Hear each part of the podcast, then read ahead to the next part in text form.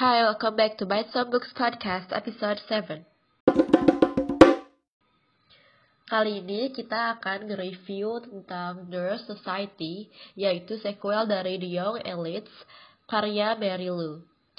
Uh, The Society ini dipublish uh, tahun 2015 dengan page count-nya atau halamannya 395 halaman dan genrenya yaitu young adult fantasy. Uh, sebelumnya kenalin dulu gue Zia, temennya Ines, dan gue udah ngebaca The Young Elite Series ini dari bertahun-tahun yang lalu. Meskipun yang The Society-nya baru baru gue baca tuh sekitar 2 tahun terakhir ini, gue lupa. Uh, yang jelas itu semuanya gue baca modal minjem Ines, hahaha dan gue gak nyesel sama sekali karena overall menurut gue ini worth it banget buat dibaca dan juga buat dibeli bukunya sebetulnya. Oke, kita mulai aja review yang beneran ya. Jadi di sini gue udah nyiapin catatan dan dalam bahasa Inggris, jadi bakal banyak phrase-phrase yang bahasa Inggris atau mungkin satu kalimat satu paragraf full kali bahasa Inggris. Gue gak tahu kenapa gue juga nulisnya begini banget, tapi yang jelas kita denger aja ya. Uh, Pertama-tama gue mau ngebahas sisi umum dari keseluruhan unsur intrinsik novel ini, keseluruhan ceritanya. Ya menurut gue dia sebagai sequel tuh jauh lebih menarik, lebih bagus, lebih memuaskan dibanding buku pertamanya. Yang mana itu udah ngelegain banget karena banyak kan sequel yang yang justru malah ngejatohin buku pertamanya gitu menurut gue. Dan seperti biasa di Young L series ini konsep fantasinya unik, world buildingnya juga, terutama karena dia itu pakai background yang kayaknya nih menurut gue e, berdasarkan zaman Renaissance dan itu gue suka banget sih zaman Renaissance di Eropa. Jadi pas gue baca tuh gue ngebayangin ya ala-ala arsitektur, kostumnya tuh ala-ala Renaissance semua. Uh, terus salah satu hal lagi yang menurut gue menjadi kualitas utama dia dia itu flow-nya tuh enak banget bacanya. Gue nggak tahu gue jelasinnya gimana tapi flow-nya tuh mengalir dengan pas gitu. Nggak terlalu datar nggak terlalu naik turun yang bikin capek tapi tetap intens tetap dapat dramanya dan tetap kerasa face pace jadi nggak nggak bosen gitu. Dia tetap ngebut memainkan alur ini. Cuman ya dia nggak nyusahin dan nggak nyapein juga bacanya. Ya bagus lah menurut gue di situ Terus dia juga punya bahasa yang uh, gue suka banget sih. Di sini gue nyebutnya simple yet captivating and refreshing. Yang mana itu bener banget. Dia itu bahasanya gak terlalu ke mana-mana pakai pakai kosakata yang sulit gitu. Dia tetap simple, cuman bacanya tuh dapet gitu seni seni literaturnya tuh dapet Terus atmosfernya itu seimbang. Di sini gue nyebut atmosfer seimbang tuh maksudnya gimana? Jadi kalau gue baca suatu cerita tuh biasanya tuh gue kayak menimbang-nimbang antara vibe positif dan vibe negatifnya. Dan itu kayak yang bakal nentuin atmosfer keseluruhan cerita ini tuh bener-bener yang terlalu happy banget, yang joyful banget atau yang depressing banget. Dan gue ngerasa sekalipun cerita ini emang berfokus pada permasalahan-permasalahan yang depressing, gue ngerasa si atmosfernya ini uh, tetap balance gitu. Terutama di buku kedua ini. Karena adanya karakter-karakter dan peristiwa-peristiwa yang dimasukin sama autornya itu di tengah-tengah cerita atau di selip-selip cerita-cerita yang negatif gitu uh, vibe-nya. Jadi dia kayak menyeimbangkan antara negatif sama positif dan menurut gue itu salah satu kualitas yang bagus banget dari buku buku ini terutama jadi gue mau sih. Oke maaf ya kalau gue ada komentar-komentar sendiri. Ini memang gue seperti ini. Terus salah satu hal lagi yang gue suka banget uh, yaitu post shiftingnya ya point of view-nya. Itu kan ada banyak ya kalau di The Society dan Young Elites dan ya keseluruhan seri Young Elites ini. Gue suka banget dia kayak shiftnya tuh enak gitu. Pas antara um, satu momen ke momen lain terus langsung berubah sudut pandangnya itu pas lah gue suka uh, salah satu hal yang gue juga suka banget yaitu world building ini menyertakan hewan-hewan yang gak cuma itu-itu aja. Karena kalau misalnya lu berandai-andai gitu kan ada suatu dunia lain dan suatu parallel world di mana tidak segala sesuatunya tuh sama dengan dunia kita ya pasti ada makhluk jenis lain juga dan gue suka banget sih di bagian itu. Makanya di sini gue kayak obses banget sama Balira yang ada di dalam cerita uh, The Young Alice Stories ini terutama di The Society banyak banget adegan-adegan yang menyertakan Balira dan gue tuh ngebayangin tuh seru gitu. Kayak suatu pari hewan pari yang melayang di angkasa. Ya seperti itulah. Uh, on the downside menurut gue The Society ini lack of surprises. Entah emang gue aja terlalu jago ngebaca alur atau gimana tapi gue ngerasa banyak peristiwa-peristiwa dan bahkan kayak action-action yang diambil oleh para tokoh di dalam novel ini tuh terlalu terlalu tebak gitu. Lack of surprises intinya. Jadi gue tuh gak wah gitu. Apa? Gue tuh gak ada sensasi-sensasi yang apa? gitu. Gak ada kagetnya gitu. Gue kayak I knew it. Isinya tuh gue berpikiran seperti itu semua. Ngerti gak sih?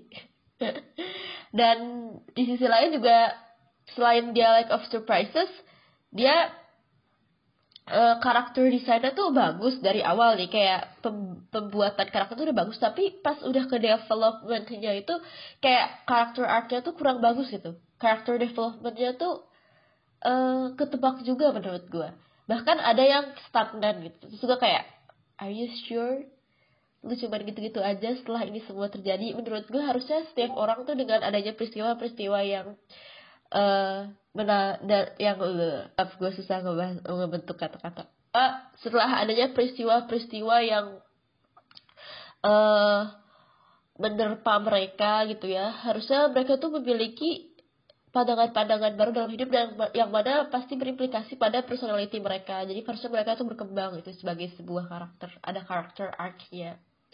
Gitu dan gue ngerasa di The Royal Society ini sebagai sebuah sequel dia kurang memberikan perkembangan karakter pada karakter-karakter yang ada di dalam buku ini. Uh, berhubung dengan karakter gue punya review buat setiap karakternya karena begitulah cara gue mereview entah kenapa. Jadi untuk secara generalnya udah ya tadi gue jelasin kayak gimana aja. Gue gak bakal kritik terlalu ngekritik setiap peristiwa karena menurut gue setiap peristiwa tuh pasti setiap author tuh punya pertimbangannya sendiri. Cuman ya itu paling gue bilang jadi ada sesuatu di dalam cara penceritaan dia yang bikin peristiwa-peristiwa peristiwa itu terlalu ketebak. Sekalipun tetap dapat drama dan intens itu tetap dapat. Cuman ya gitu deh Nah, untuk karakter-karakter ini sendiri, gue ada karakter-karakter utama yang pengen gue review. Sisanya gue tidak merasa perlu ada komentar. Maaf ya sisanya. Jadi karakter-karakter ini yaitu Adelina, Violetta, Magiano, Enzo, Rafael, Teren, dan Bev. Teren tuh bacanya gimana sih? Ah, gue baca Teren biarin aja lah ya. Oke, kita mulai dari Adelina. Uh, di dalam buku kedua ini, Adelina itu masih badass, of course. But somehow becoming more and more of an emotional mess. Kenapa gue merasa ini suatu keburukan dari perkembangan karakter dia? Karena kalau misalnya lu mau buat suatu karakter yang strong, lu harus bisa bikin dia more cold-headed, yang mana dia tidak terlalu uh, terpengaruh oleh emosi dia. Sekalipun kekuatan dia ya stem from that emotion itself. Dan gue ngerasa ya Adelina ini melawan ekspektasi gue gitu. Kan gue ngerasanya dia pas di buku kedua bakal jadi wow lebih cold headed lebih keren gitu. Lebih bisa ngontrol diri dan kontrol orang-orang di sekitar dia gitu. Yang mana tujuan dia kan emang itu kan having power having control. Tapi kenapa dia malah semakin jadi emotional mess dan akhirnya jadi semakin banyak gak kekontrol semakin banyak kacaunya. Ya mungkin emang itu buat bikin ceritanya ya buat bikin cerita tetap berjalan. Cuman gue ngerasa pasti adalah cara lain selain kayak gitu. Karena jatuhnya tuh annoying. Gue gak suka ngeliat kayak apa sih lu? Gitu loh. Dan selain itu juga dia akhirnya jatuhnya terlalu ngesok gitu. Not overpower but act like one. Jadi dia tuh seolah-olah udah jago banget gitu dengan semua kesoan dan chaosnya dia dia tuh seolah-olah udah paling kuat padahal kan enggak akhirnya jadi kayak gitu berantakan dan semacamnya. Dan dia of course harus selalu making bad life decisions as every main character would. Karena ya menurut gue ya bad life decisions itu uh, sebagai permasalahan yang mengarah pada lanjutnya plot itu sendiri kan. Cuman gue ngerasa ha, kayaknya dia terlalu banyak deh bikin bad life decisions kayaknya dia terlalu buat ukuran orang yang bercita-cita sebagai queen gitu. Menurut gue dia terlalu banyak bikin bad life decisions. Terutama karena tadi dia terlalu terpengaruh emosi menurut gue dia harusnya lebih bisa bikin decisions yang lebih baik dibanding itu. Dan menurut gue ceritanya juga gak harus karena dia sebuah gitu loh. Gak harus ceritanya hanya berjalan hanya karena kegoblokan dia.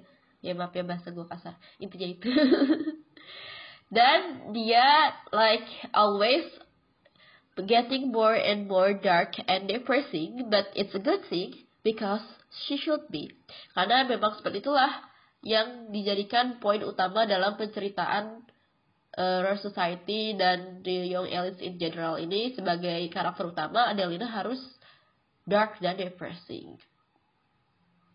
Ya. Yeah. Not exactly my favorite character actually. Tapi ya menurut gue dia bagus sih buat desain karakter. Cuman kurang bagus aja developmentnya. Nah, kita kembali ke karakter lain yaitu Violeta Aku bilangnya kembali sih. Ya, yeah, abaikan-abaikan omongan. I'm sorry, I keep talking to myself. I'm so fucking lonely. And that's another swear word. Okay, just let's get back to this. Violeta. Violeta is really useful and nice and probably too innocent, but somehow the lack of in-depth character. Kenapa? Karena menurut gua, uh, karakter dia harusnya lebih dalam lagi, lebih kompleks lagi, karena dia sebagai uh, orang yang sangat mempengaruhi kehidupan dan personality Adelina si Violeta ini. Kayak dia tuh dibikin terlalu innocent, terlalu wah gitu, terlalu terang dan ya udah seolah-olah cara pikir otak dia tuh cuma ngikutin Bible aja. Which is a big no for me. Karena jatuhnya Violeta ini, padahal kan dia termasuk yang paling powerful ya si Violeta ini. Dia jatuhnya jadi kayak NPC itu, yang cuma ngikutin aja gitu. Terus kayak, ya entahlah, gue ngerasa harusnya dia ini bisa dibikin lebih menarik lagi dibanding yang sekarang. Uh, terus kita lanjut ke Magiano. Magiano ini kan uh, love interest yang baru ya, yang ada di buku kedua. Oh my spoiler alert. I'm sorry, I forgot to say it. Spoiler alert. Pokoknya Magiano a new love interest di buku kedua. Magiano di sini sangat uh, sweet lah ya, sweet boy, funky and funny and vibrant.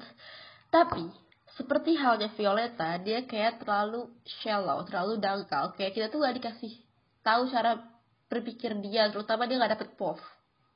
Iya, dia gak dapet POV. Dan jatuhnya jadi kayak, apa sih dia anak? Gak jelas, gitu doang jatuhnya. NPC juga jadinya auranya. Kita gak pernah tahu dia itu sebenarnya mau kayak gimana. Jadi jatuhnya dia cuma terlalu sederhana dan terlalu terlalu just go with the flow. Dan menurut gue sebagai seorang Bagiano yang katanya legendaris dengan segala kekuatan dia yang amazing dia terlalu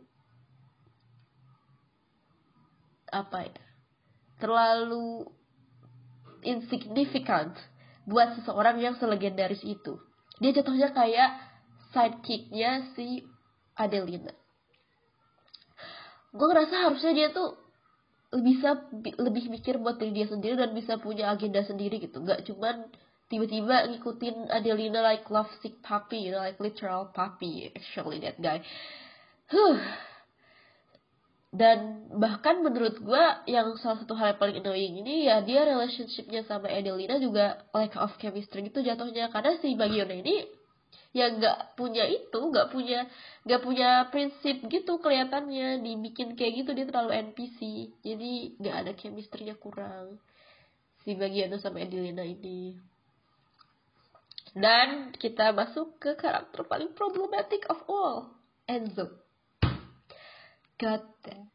You can literally feel me boiling with rage no, I don't actually.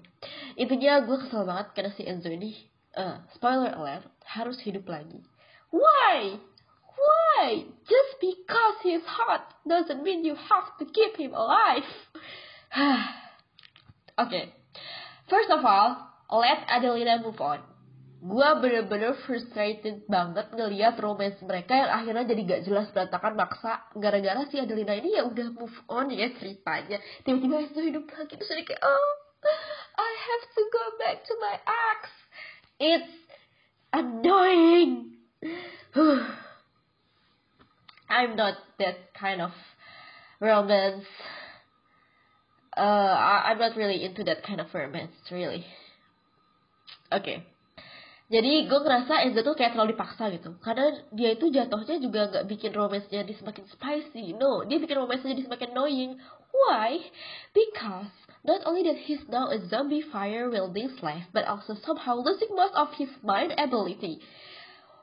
You know the sharp intuition the dark menacing aura where the heck is my burning EMTJ oke okay, First of all, kalau ada yang belum tahu, INTJ itu salah satu tipe karakter dalam MBTI yang uh, eh, gue boleh jujur jadi obsesi gue di setiap cerita.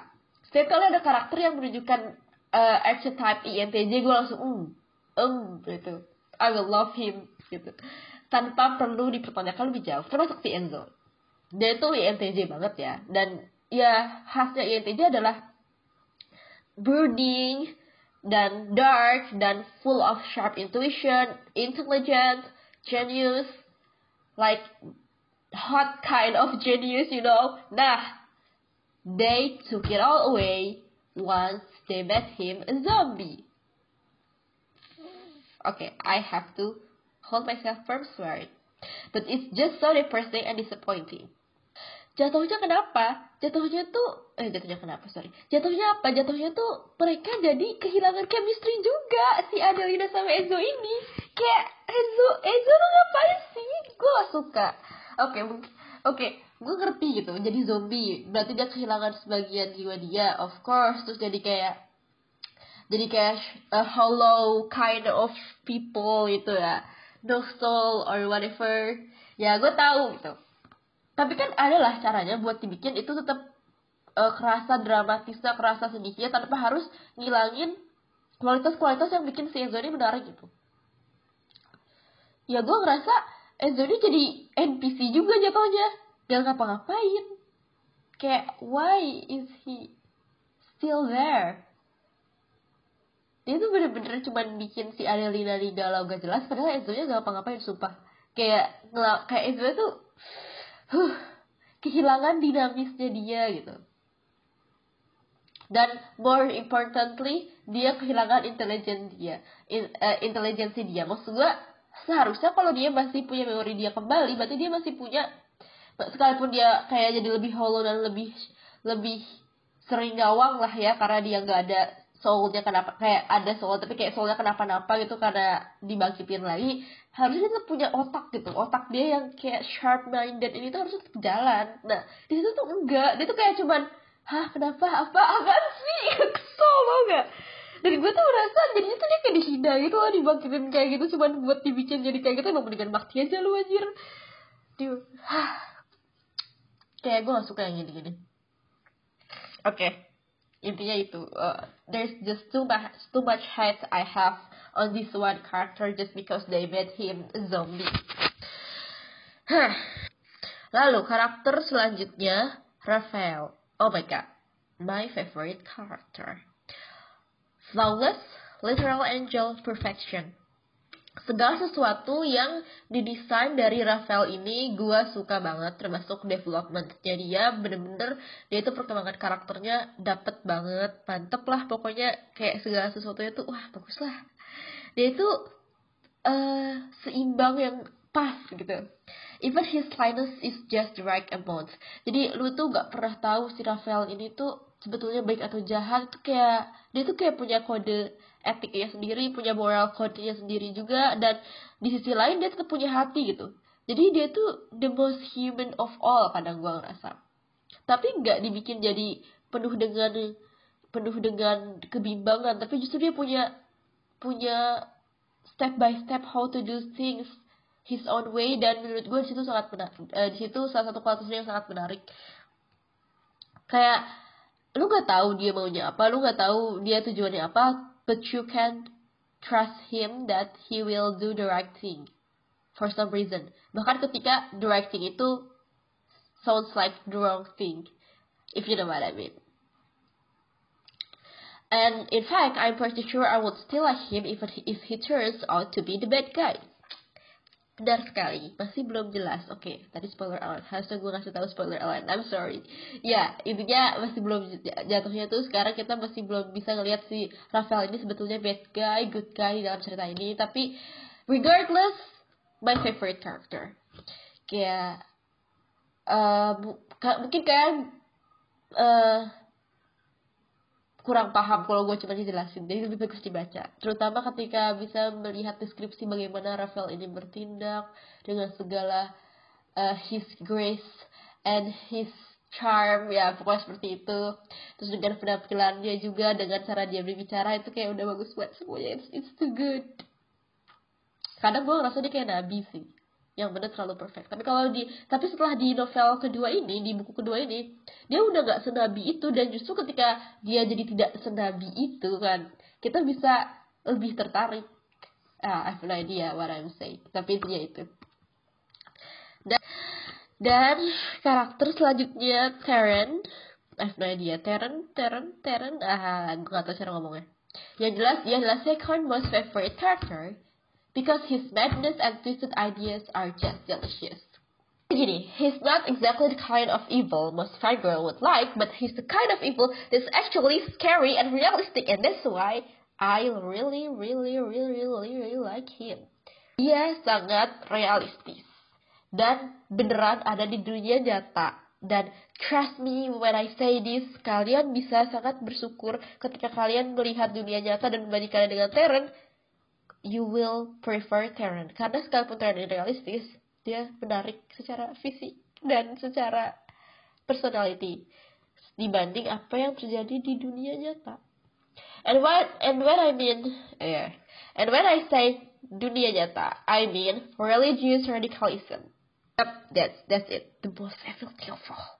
Religious radicalism to the point that things could get really disturbing when it's his turn to tell the story. That's what turns have.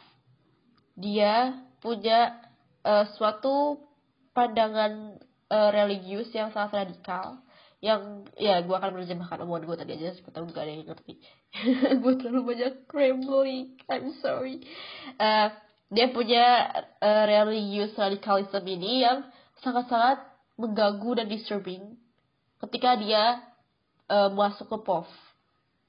Uh, karena dia benar-benar meyakini kepercayaan dia ini yang sangat twisted dan penuh dengan kebencian terhadap suatu ras manusia ini. Ya kita menganggapnya ras aja ya young elites ini. Dan itu jatuhnya tuh menyeramkan ketika dia menceritakan seolah-olah itu adalah suatu some kind of holy mission for him you know. It's like the most paradoxical things you could ever imagine. Doing evil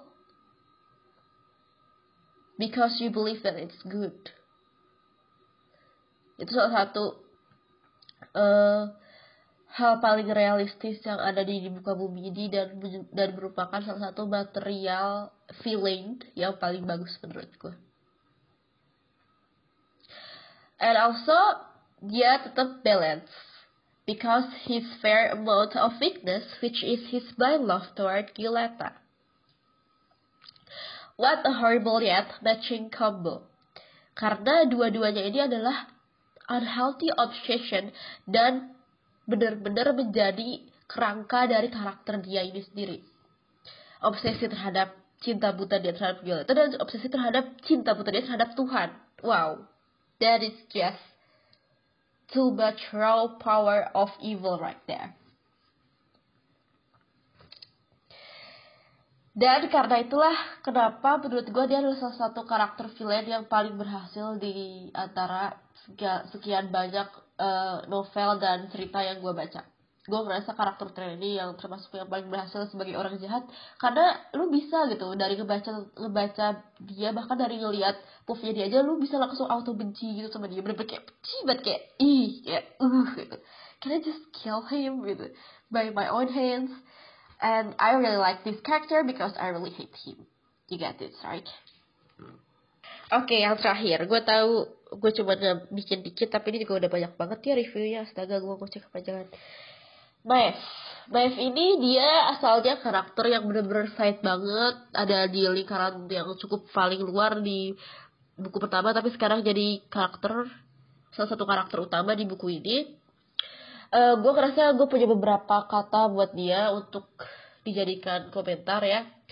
Uh, she's very cool and interesting as a character design, but somehow boring because she's kinda predictable. Uh, sebagai ratu dia itu kurang punya character depth juga menurut gue. Jatuhnya gue bisa ngedebak dia atau gue emang pernah juga ngedebak entah. Tapi menurut gue emang itu dia lumayan ketebak. Dari uh, gerak-gerik dan action dia dan pilihan-pilihan dia dan how she decides things tuh gue bisa nebak ke depannya dia bakal kayak gimana jadi gue gak ngerasa ada sesuatu yang bikin gue tuh kaget gitu dari cara dia menjalankan cerita ini. Terus gue ngerasa dia tuh borderline sociopath because she supports her own brother so he he could stay the sorry. Gila kesel tadi gue uh, because she supports her own brother so he could stay beside her as a zombie. And it's just I don't know. Itu bener-bener inconsiderate buat adiknya dan buat orang-orang di sekitar dia. Dan menurut gue itu sangat sociopath in a way. Sociopathic in a way. Dan disturbing juga. But after all she's some kind of reverse Grim Reaper so what should I expect? Uh, di sisi lain gue juga uh, suka banget karena dia menjadi key to more inclusive audience because of her relationship with Lucette. Uh, spoiler alert, jadi si Bev ini uh, punya hubungan romantis dengan Lucette. Jadi mereka berdua ini lesbian gitu sepertinya. Yang pada ini bikin bukunya memiliki kualitas lebih karena akan membuka inklusif uh, gates for them. Gue ngomong apa sih? Ya intinya kayak audiensnya tuh lebih inklusif inklusif tuh apa sih? Kalau bahasa Indonesia nya oh lebih luas. Tidak se-eksklusif itu gitu. Jadi lebih luas lebih bisa banyak yang baca. Dan lebih banyak yang tertarik karena dia menyertakan tema LGBTQ oh my god gue harus ngomong LGBTQ pan-pan karena di rumah ada gue huh ya. Yeah. LGBTQ Iya, betul.